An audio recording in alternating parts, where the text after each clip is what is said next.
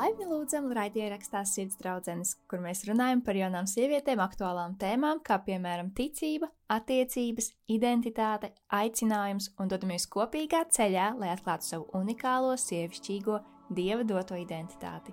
Sveicam! Raidierakstā Sirds draudzenes ar jums kopā atkal ir Viktorija un Ance. Un mēs patiešām priecājamies, ka esat mums pieslēgušās tā ir milzīga dieva žēlastība būt kopā ar jums un uh, arī mums būt kopā. Ar un, jums. ja, un runāt par to, ko Dievs dara mūsu dzīvēs, to, ko Dievs saka savā vārdā, un dalīties ar stiprinošām liecībām. Un šoreiz mēs runāsim par dzīves sezonām, un es gribu iesākt ar pantiem no Salamans mācītājas trešās nodaļas. Katrai lietai ir savs nolikts laiks, un katram īstenošanai paredzētam nodomam zem debes ir sava stunda. Savs laiks piedzimt un savs laiks mirt, savs laiks dēstīt un savs laiks dēstīt to atkal izraut, savs laiks kādu nogalināt un savs laiks kādu dziedināt, savs laiks ko noplēst un savs laiks ko uzcelt, savs laiks raudāt un savs laiks smieties, savs laiks sērot un savs laiks dieta savs laiks akmeņus mest un savs laiks tos salasīt, savs laiks apkamties un savs laiks, kas šķirties.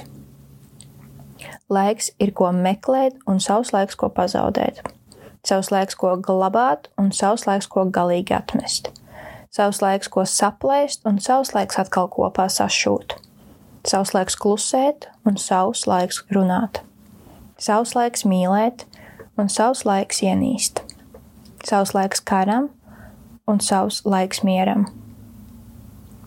Visu Dievs ir savā laikā jauki iekārtojis, pat arī mūžību viņš ir līdzis cilvēku sirdīs. Žēl tikai, ka cilvēks nevar izprast Dieva darbu, ne tā iesākumu, ne galu. Viss, ko Dievs dara, tas paliek mūžīgi. Tam nevar nec ko pielikt, nec atņemt, un Dievs to visu tā ir iekārtojis, lai viņu bīstas. Amen! Šīs sezonas tēma, ne šī raidieraksta tēma, būs par dzīves sezonām. Jā, jo man liekas, viņas tik ātri mainās, un bieži vien mēs viņas pat nepamanām un neatpazīstam. Un tad uh, man šķiet, šo tēmu tieši ierosināja mana un Ances saruna nesen, kur mēs vienkārši sapratām to, ka Dievam ir šī bibliskā kārtība, un ir tik brīnišķīgi tas iekārtots un parādīts arī viņu vārdā kā viņš um, ļauj mums iet cauri dažādām sezonām. Bieži vien viņas ir sāpīgas, un bieži vien viņas ir auglīgas un priecīgas un, un dažādas. Un tad uh, mēs varēsim šodien dalīties ar jums par to, kādām sezonām mēs esam gājuši cauri un ko Dieva vārds saka. Par tātad dažādām sezonām, kā viņas vislabāk izdzīvot, kā viņas atpazīt, kā saprast. Un, un kā pieņemt. Un pieņemt, jā. jā. Tieši tā.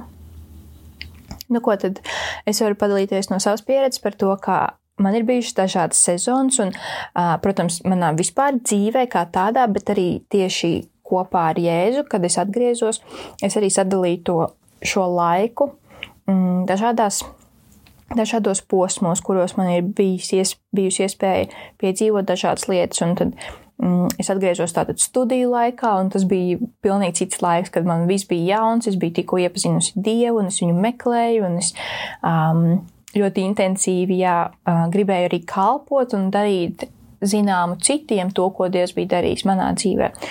Un tad arī man bija ļoti skaists laiks tieši atpūtā kopā ar Dievu. Es uh, pavadīju mm, piecus mēnešus latgalē, laukos, vienkārši tiešām baudot dievu, dabu un darbu. Un tā bija ļoti svētīga sezona manā dzīvē, kad es tiešām augu savās attiecībās, komunikācijā ar Dievu, Bībeles laikā, slavēšanas laikā. Un tad pēc tam arī ir nākušas darba sezonas, kad es veltu savu laiku intensīvi darbam, kalpošanai, kā arī ir tā mm, vienatnes sezona, kad es esmu šobrīd brīva un varu tā kā bieži vien dusmoties par to sezonu un arī priecāties par to sezonu. Jā. Un tā katra, nu tā kā mums ir jāmācās viņas novērtēt un atpazīt un saprast, um, kur mēs esam, ar ko mēs esam apmierināti, ar ko mēs esam neapmierināti un kur Dievs mūs uh, ved un ko Viņš grib mums iemācīt katrā no tām sezonām. Un, jā, un es gaidu nākamo sezonu, un, un tad uh, Ants varbūt tās tur padalīties par to, kā Dievs ir uh, vedis tevi cauri dažādām sezonām. Jā, tā mēs arī uzlūkojam to dabu, kāda daba ir veidota. Es esmu dabas bērns, dabas cilvēks, kā to var teikt. Man vienmēr sakot, man patīk daba. Un tā man vienmēr um, iepriecina. Un, un caur dabu mēs arī redzam, kad ir sezonas - vasara, rudens, pavasaris, ziema. Katrā sezonā kaut kas notiek, citā sezonā nekas nenotiek. Liekas, ziemā mm -hmm. viss ir apsnidzis, sasalis augsts, pāris mēneši Tad sākas kaut kāda kustība, kad nāk siltums pavasaris. Lien ārā visādi kukaiņi un lapiņas, un, un atraisās kokiem lapiņas. Puķi sāk ziedēt, tad ir tā vasara, tad ir visa pilnbrieda, ir vienkārši brīnišķīgs skaistums. Viss maržo un aug griezdamies. Tad nāk tas sezonas laiks, kad ir novākšana, ražas mm -hmm. laiks, augļi bagātīgi ir saražojušies un, un labība. Un tad atkal ir tas ziemas periods. Man liekas, tas tā interesanti. Nu, visās valstīs tas tā nav. Visās valstīs tas tā nav. Nu, kad ir tādas sezonas kā mums Latvijā. Bet nu, citās valstīs, karstajās, nu, tur man vienalga, man liekas, nu, nav tā, ka tur kaut kādas augļi aug visu laiku, ražo. Jā, viņiem kad, visiem sezonas. Kad viņiem ir sezonas. Un cauri šo es, es personīgi gribu runāt arī par savām dzīves sezonām, jo tajā ir kaut kāda līdzība. Un es domāju, ka Dievs vēlas, lai mēs paskatāmies arī caur tām dabas sezonām, Mhm. Kā viņas iet roku rokā ar mūsu sezonām? Mhm. Jā, tā kā Viktorija jau teica, ka mums bija tāda interesanta saruna, aizgājām uz kafejnīcu, pēc ilgiem laikiem satikāmies, viss parunājāmies. Un, Beigās saprotam, ka mēs esam bijuši līdzīgā situācijā, ka mums ir bijušas tāds periods, sezona, kur kaut, kaut kā tāds piekusums, daudz darbi bijuši, tāda, tāds skrējiens, un tu nesaproti, kur tu tagad esi un ko tagad darīt ar to visu, ka tu esi tāds piekusis. Un, un, Jā, man bija tāda neapmierinātība par to. No, noguris, un vai tas tā turpināsies visu laiku, un kad tas apstāsies. Un redzi, kopā ar Viktoriju mēs, mēs to nesām gaismā, jo bieži vien jau vienam pašam grūti to nest gaismā un reāli to identificēt. Bet kopā mēs uh, ieraudzījām to un sapratām, ka tā ir sezona. Mm. Un, jā, mūsu gadījumā bija tā, ka, ka vienkārši bija jāapzinās to, ka tas jau nebūs visu laiku, bet tas būs kādu mazu brītiņu. Un tad atkal sāksies kaut kas nu, jauns, piemēram, atpūta. Jo tas jau tā ir. Parasti, kad tu esi strādājis, tad uh, gan fiziski, gan uh, garīgi ir vajadzīga atpūta. Un uh, vēl pirms tam man personīgi man bija tāda sezona. Interesanti, kā tās sezonas pakārtojas, kad es atbraucu no Izraēlas un man bija jāgaida trīs mēneši. Vienkārši jāgaida. Man bija paralēli tur darbs, es strādāju, bet man bija daudz brīvā laika. Un tas, kas man bija jādara tajā sezonā, man bija vienkārši jābūt mierā. Man bija daudz, daudz, daudz, daudz laiks jāvelta vienatnē ar Dievu. Viņš man piešķīra šo laiku. Bet ko es gribēju darīt? Es gribēju kaut ko darīt. Loģiski cilvēks nevar nosēdēt. Es nevarēju nosēdēt, man liekas, kā nu man tagad ir jāiet, jāstrādā. Es tiešām es meklēju vēl vienu darbu papildus, jo man bija ļoti daudz brīvā laika. Un es negribēju pieņemt to, ka man ir vienkārši jāsēž mājās un man ir jābūt paklausīgai un jāmācās. Bet Dievs ir žēlastīgs un, un viņš ir pacietīgs un, un daudz vairāk nekā mēs spējam vispār iedomāties un saprast. Un uh, kas man bija jādara? Bija jāgaida un jālūdz daudz. Gan par darbu, gan par to, kas būs, lai es tiktu sagatavota un apbruņota, jo es jau nezināju, kas būs.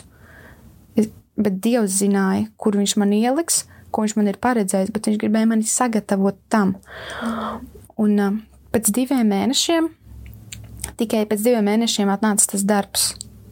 Es tur pamēģināju pastrādāt tur kaut kādos divos darbos, bet tad es, nu, tā kā apdedzinājos, es sapratu, ka Dievs mani mācīja, jā, bet kur tev bija jālec, kur tev bija jāskrien, ja es tevi aicināju būt mierā un, un paļauties un gaidīt un, un būt klusai un, un neskriet un lūgt. Un tā tā sezona bija, un es sagaidīju, un tad bija tie gaidīšanas augļi. Un es nevaru vēl joprojām beigt pateikties Dievam par to, cik viņš ir labs, jo viņš man iedeva tik brīnišķīgu darbu.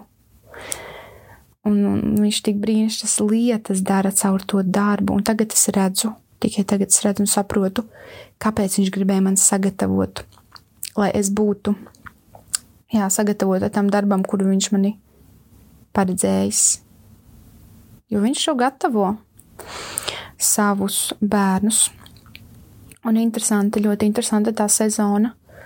Bet jā, es, es no tā varēju mācīties, kā gaidīt, kā būt klusumā un mierā, ka tev prāts tur trako un, un, reāli man vajadzēja arī naudu, tas bija tāds izaicinājums, kā šajā sezonā palikt, un kā noturēties, un kā būt mierā.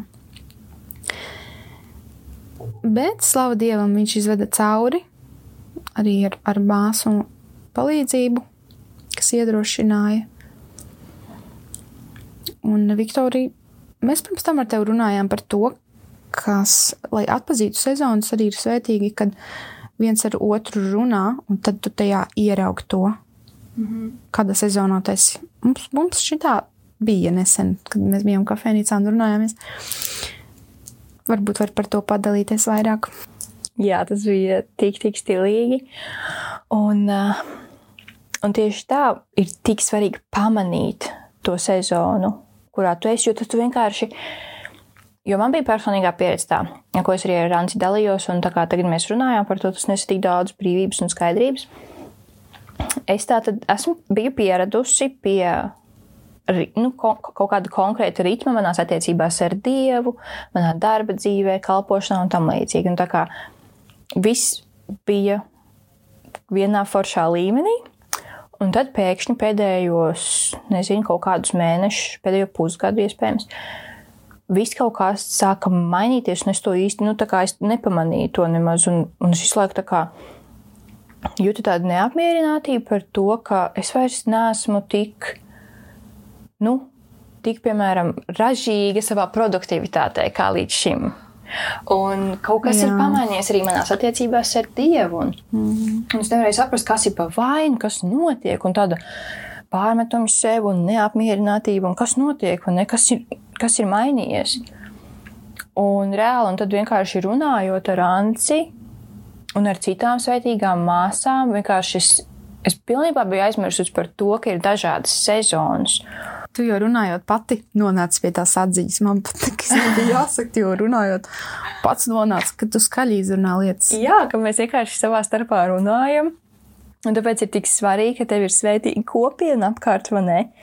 Ka tevi izaicina, tev paprasa, tu ieej dziļāk un tu sāc procesēt un apstrādāt tās domas un to, tās savas visas neizpratnes domas un visu savu zudīšanos un savus jautājumus, tu viņus sāc pārnāt kopā ar svētīgiem brāļiem māsām Kristu, un tas tev palīdz saprast, kur tu vispār esi. Un es biju reāli pilnībā aizmirsus par to, ka ir dažādas sezonas mums kā kristiešiem ir dažādas sezonas, kad mēs uh, esam ra ražīgi un darām daudz un esam produktīvi, un arī to, ka mums ir atpūtas sezonas un tīrīšanas sezonas un tam līdzīgi. Un ir brīnišķīgi, ja šī māceklības kultūras veidošana, grāmata, kurā arī par to varat lasīt vairāk, bet tur ir brīnišķīgi līdzība par vīnogulāju. Tad vīnogulāju iestāda, un tad viņam trīs gadus apgriež um, ķekarus, viņš nenes augļus, lai viņš varētu savu sakņu sistēmu nostiprināt un paplašināt. Un tad, kad viņš ir tagad ir pagājuši šie trīs gadi, tad viņam beidzot ļauj nest augļus, un šie zari ir pietiekami stipri, jo viņas saknes ir augušas šos trīs gadus. Bijušas atpūtā, viņš ir ticis tīrīts, un tagad viņš beidzot ir pietiekami stiprs, lai noturētu tos ķekarus un nestu labus augļus. Un tā pati, tas pats princips strādā arī mūsu dzīvē, ka jā, mēs esam aicināti uz produktivitāti, taču mūsu produktivitātei ir jānāk no vispirms atpūtas, jo Dievs radīja pasauli un viņš atpūtās, un cilvēka pirmā diena uz šīs zemes bija atpūtas diena. Un tas nozīmē, ka tas ir biblisks princips, ka mums vispirms ir jābūt mierā ar Dievu, mums ir jābūt mierā, un tad mēs varēsim pienācīgi atpūsties. Bet tās sezonas dažādās, es vienkārši nebiju pamanījusi to, ka es esmu citā sezonā, un tāpēc es jutos tik neapmierināta un pilnībā vispār nesapratu, kas notiek, kas ir mainījies, ko, ko es esmu izdarījusi. Ka es visu laiku vainoju sevi, ka kaut kas ir noticis, bet es neatpazinu to, ka tā ir jauna sezona. Un tad mm. šīs sezonas var būt vīnogulājam un cilvēkam atpūtas sezona. Tā var būt augšanas sezona, tā var būt tīrīšanas sezona, tā var būt augļu nešanas sezona. Un tās visas katra ir tik svētīga, jo viņas palīdz tev būt pilnvērtīgam cilvēkam. Tas ritms, vai ne? Tas, tas ritms. tā vienkārši ir. Jā, arī kā dabā. Tu nevari visu laiku. Jāļauj atpūsties, kad labību sēž pēc cik tur tiem gadiem. Mm -hmm. Tieši tā. Ābels arī viņas um, nes augļus, un tad viņas vienu gadu vienkārši nenes tev nevienu augli. Kā zemnieki dara. Viņi nesēj nu, tu to labību, piemēram, miežus. Es nezinu, vai viņi katru gadu maina mm -hmm, tam laukam. Jā. Jo tā ir, tu nesēji visu laiku. Jā, tos gadus no vietas vienu labību, piemēram, tur, jo mm -hmm. viņa nesāks. Um, Zeme nebūs būs un pilnvērtīgus augļus dot ar to mm -hmm. miežus, piemēram. Un tā arī ir ar cilvēku. No zemes būs paņemts tas barības vielas izsūts. Jā. Un viņai vajag atjaunoties. Un tāpat arī mums, kā cilvēkiem, um, un tas, ka tu, piemēram, esi atpūtā, vai tas, ka tu nenesi augļus, nenozīmē, ka tu neaudz. Jo augšana notiek gan atpūtas laikā. Tieši tad tu no, nostiprini savas saknes. Un šeit es gribu uzsvērt to, ka mēs nostiprinām savas saknes dievā, mierā par to, kas mēs esam, uz ko mēs esam aicināti. Un to bija tik, tik svētīgi un atbrīvojoši saprast, ka viss ir kārtībā, vienkārši man ir cita sezona. Un tas, ka es nenesu augļus šobrīd, tādus, kādus biju radusi nest savā dzīvē, Tas ir normāli, jo man ir jāļauj sev arī atpūsties, man ir jāļauj dievam sevi iztīrīt no kaut kādiem liekiem, nevajadzīgiem ieradumiem, lietām un tam līdzīgi, jo vīnogulājumi arī viņam šos zarus apgrāj, apgriež um, un iztīra. Un tāpat arī Jāņa evaņģēlijā ir rakstīts par to, ka Dievs ir dārznieks. Un Jēzus ir īstais vīna koks, un mēs esam viņa zari. Un, ja mēs mūs neiztīrām, tad mēs nevaram būt um, ražīgi. Nu, tā kā zari un dārznieks ir tas, kurš nāk, Dievs, kā debesu tēvs, viņš nāk un viņš iztīra mūs no visa liekā, lai mēs varam dzīt labākus zarus, lai mēs varam noturēt savus um, augļus. jo daudz dažādu lauksaimniecības līdzību. Bet, Vai ne, interesanti. Man šķiet, tas ir, jā, tas ir, tas ir tik svētīgi, jo tas ir tas, kā Dievs radīja šo pasauli un kāda viņi ir līdz šai dienai. Tie principi visi strādā uh, vēl joprojām. Jo tik ļoti Dievs pasauli mīl, ka viņš caur to Viņš ir paredzējis, ka viņš runās uz cilvēku un mācīs savus, savus bērnus, savu radību, ko viņš ir radījis savā līdzībā. Un Čārlis Spurģions ir tā teicis savā grāmatā, nepateikšu kurā, ka gada laiki mainās un uh, mainies arī tu, bet tas kungs paliek nemainīgs, un viņa mīlestības traumas ir tik dziļas, tik plašas un pilnas kā jebkad, vienmēr mūžīgi. Viņa mīlestības traumas ir tik dziļas un plašas pat tajās sausumu sezonās. Viņas ir, viņas ir nemainīgas. Viņš ir.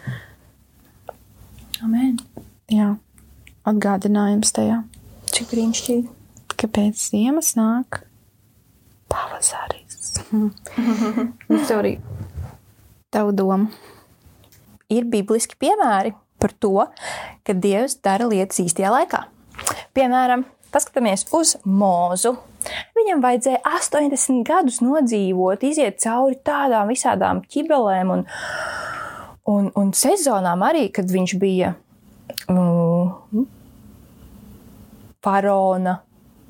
tā kā dēls un valdnieks, jo viņš ļoti labi valdīja pār uh, Ēģipti.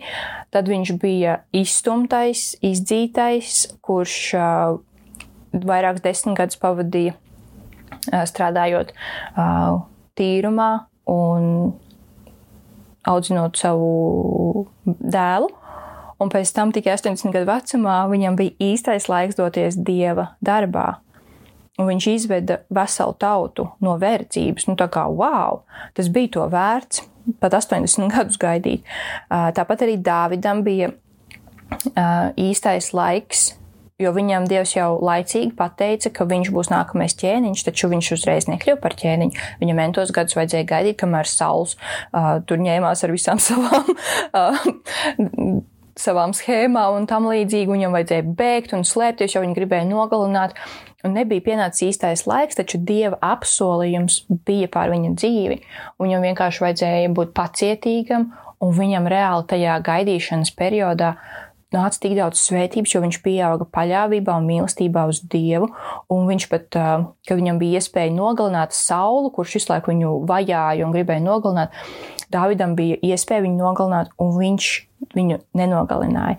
Viņš viņam bija tuvu, tuvu klāt, taču viņš saprata, ka tas uh, nebūs Dieva prāts, ka viņš atņems vienkārši saulam dzīvību, ka viņam ir jāiziet pa Dieva plānoto ceļu, nevis pa savu ceļu, vai aizskriet savā mm, spēkā kaut kur. Un tas man ļoti uzrunāja, jo es pati esmu um, mēģinājusi iet kaut kur, kur Dievs man ir aicinājis, darīt kaut ko savā spēkā, un tad visu laiku nāk neizpratne, kāpēc man nesanāk, kāpēc uh, man neizdodas.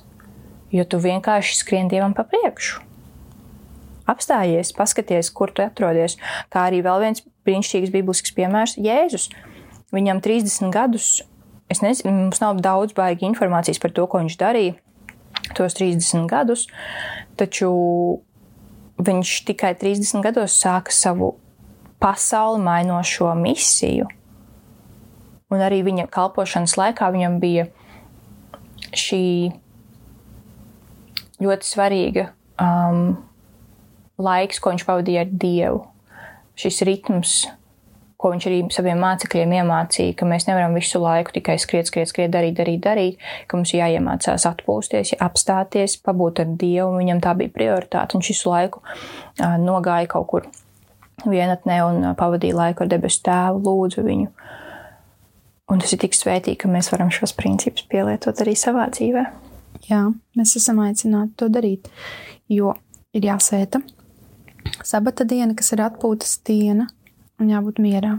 Kā atpazīt šīs sezonas? Viens, tu vari uzdot sev jautājumu un paaicināt kādu nu, cilvēku, uz kuru tu vari paļauties un uz kuru tu vari, jā, kurš ir tev par atbalstu, lai viņš tev palīdz saprast. Varbūt tev ir mentors, varbūt, varbūt kāds brālis, māsa. Saprast, hei, es nezinu, kādā sezonā es esmu, man ir tā un šī tā, un kā to saprast. Vienkārši jautāt Dievam arī. Dievs palīdz man, es nesaprotu, kur es esmu. Mm. Un tad jau skatīsies, Varbūt tev vienkārši jābūt mierā. Varbūt, ja tā ir klusuma sezona, kāds kā atpazīt, ka tā ir klusuma sezona, piemēram, tu gaidi darbu, vai tu gaidi atbildi par to, kādā universitātē iestāties, vai tu atbildi par, gaidi atbildi par to, kādu cilvēku tur um, iet satikties, nu, piemēram, par savu nākotnes vīru. Dažādi lēmumi, nopietni dzīves jautājumi. Un iespējams, ka tā ir klusuma sezona, un tev ir jābūt mierā. Mm -hmm. Un tev ir vienkārši jādod dievam vieta, un jāapsēžās, un jāļauj, jāļaujas. Un um, visas lietas nāks īstās, kad tu būsi tajā mierā. Un tu zinās, ka tā ir tā klusuma sezona, ka tā ir tā darb, darbīgā sezona tad vienkārši tas arī tas, tev, tas jau tev nāks, visas tās atbildības un, un darbi, kalpošanas, un tu zināsi. Mhm. Jā, ja tu, ja tu nāksi pie tā kunga, ja tu nāksi pie viņa atkal tajā klusumā un mierā, tajā lūkšanu kambarī savā istabā, nezinu, klusajā vietā, ka tu katru dienu pavadīsi ar laiku ar viņu, ļausi viņam uz tevi runāt. Mm -hmm. Tur jau nāks.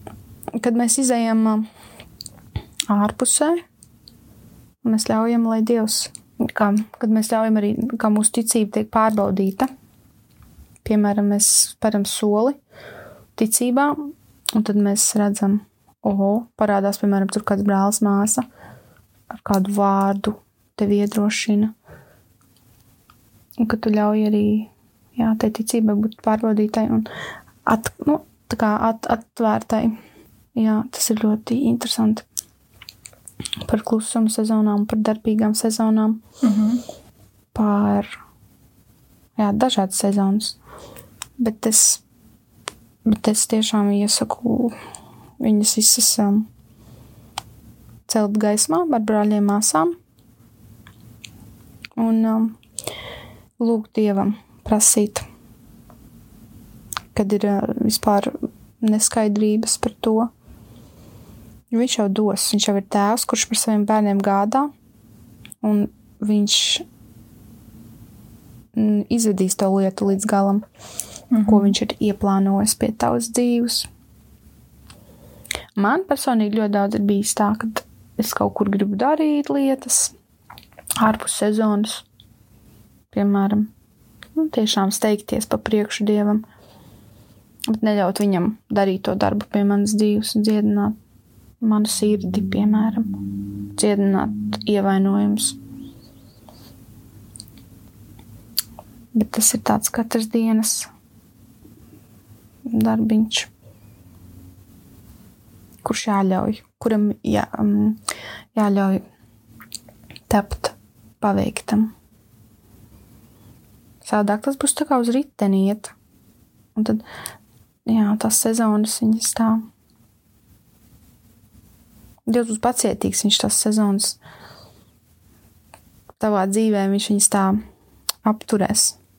Nu, tā interesanti. Ar to kungu garlaicīgi nav.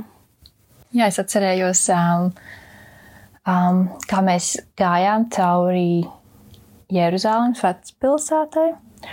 Un mēs tieši runājām savā starpā, kā ārpats kā gribētos redzēt, nu, ieraudzīt, nokļūt pie kāda vīģes koka.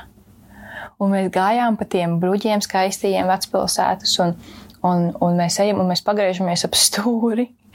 Un tur ir milzīgs vīģes koks. Pagalmā, Pagalmā vienkārši starp bruģi un akmens mājām ir milzīgs vīģes koks ar augļiem.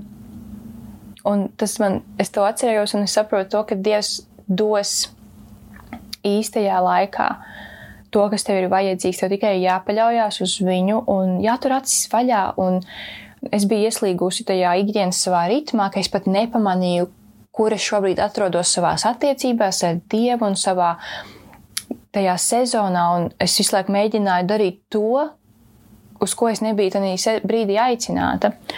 Un tad kā pieņemt, un ne pat, ja varbūt to šobrīd atrodies tādā sezonā, kuru tev ir grūti pieņemt. Varbūt tu esi pieradusi nest augļus, un Dievs tevi šobrīd aicina uz atpūtu. Varbūt tu esi pieradusi augt, un tevi šobrīd Dievs uh, aicina uz tīrīšanās procesu, vai ne, vai uz klusumu sezonu. Uh, varbūt tu esi gatava laulībai, bet Dievs tevi aicina šobrīd tu esi vienatnes sezonā, vai arī jebkur citur, vai ne, tad kā pieņemt to, kur tu šobrīd atrodies.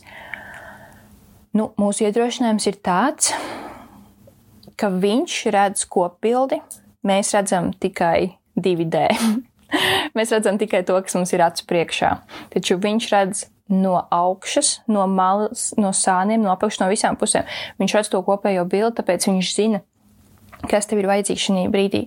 Un es gribu jūs iedrošināt ar rakstu vietu par to, kā pat ja tev šobrīd nav tā sezona, kuru tu gribētu, vai kura tev šķiet ir vajadzīga, tad uh, Habakuka trešajā nodaļā ir rakstīts, ja vīģis koks neziedēs un vīna kokam neienāksies ogas, ja olīvas nedos ražu un lauki neko ēdam neienesīs, ja ganāmpulkā panīks avis un staļos nebūs vēršu, es tomēr gavilēšu par kungu, es līksmošu un priecāšos par savu glābēju dievu.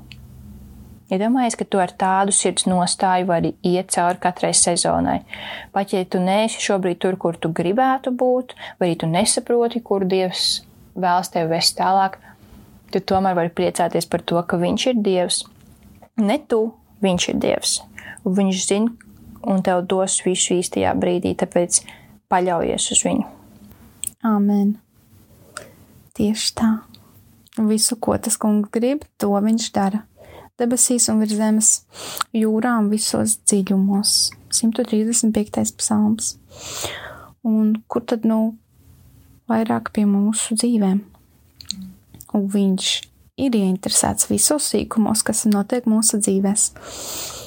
Pilnīgi visos sīkumos. Visās lietās, un varbūt liktos, ai, ko tad es tur tāds niecīgs cilvēks ar savu dzīvi, vai tad lielajam visvarenajam dievam tas interesē? Bet nē, viņš ir mūsu radītājs, mūsu veidotājs.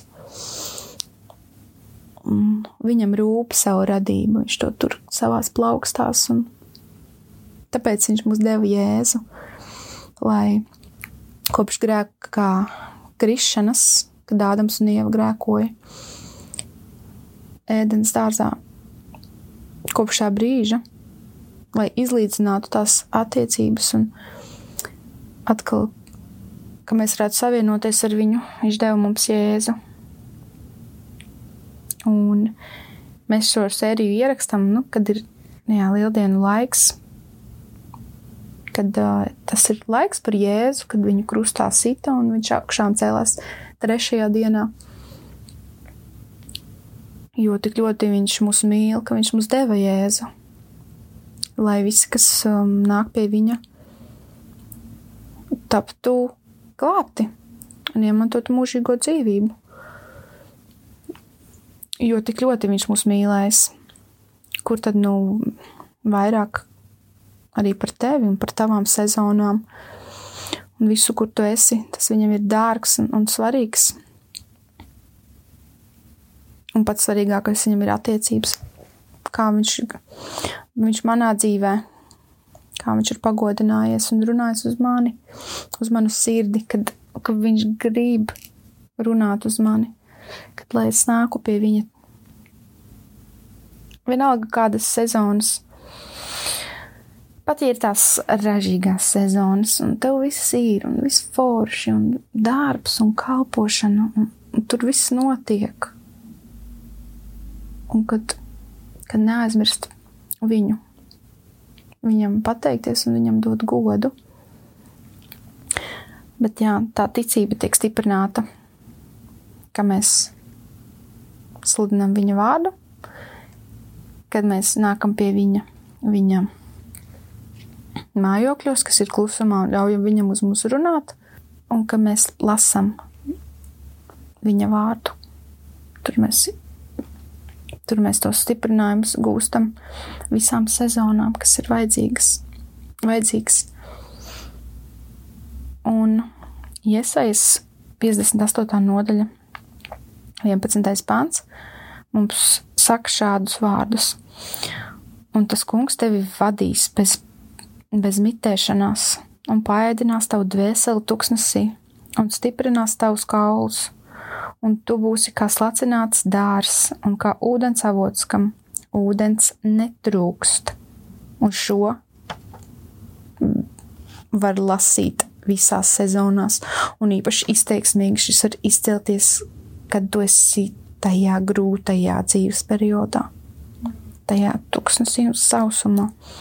Un tas vārds, ka runā uz tevi, tas jau ir kā dzīvības, tas ūdens avots, tu padzeries no tā, un tā ir tava cerība, un tu turies pie tā. Tu turies pie tā. Un viņam viss gods visās sezonās. Amen. Amen. Jā, mīļās klausītājs, paldies, ka pievienojāties mums. Un es ticu, ka kādam šis būs par iedrošinājumu pieņemt, saprast savu esošo dzīves sezonu un dievam uzticēt nākamās izdzīvot visu to, kas jums šobrīd ir uzticēts uz 100%, un atstājiet droši savus uh, komentārus, savas pārdomas, savas atsauksmes un lūkšanu vajadzības saitē, kas ir sērijas aprakstā. Mēs to ļoti novērtēsim, mēs priecāsimies par jums lūgt. Un pēdējā raksta vieta - gaidi uz to kungu, esi droša un stipra savā sirdī, un gaidi uz to kungu. 27. psalms, 14. pāns. Paldies, mīļās meitenes, ka jūs esat ar mums un ka jūs klausaties. Un es arī gribu iedrošināt, ka pēc tam jūs varat uh, nākt klusumā un, un, un noslēgt visu nost un nākt lūkšanā pie Dieva.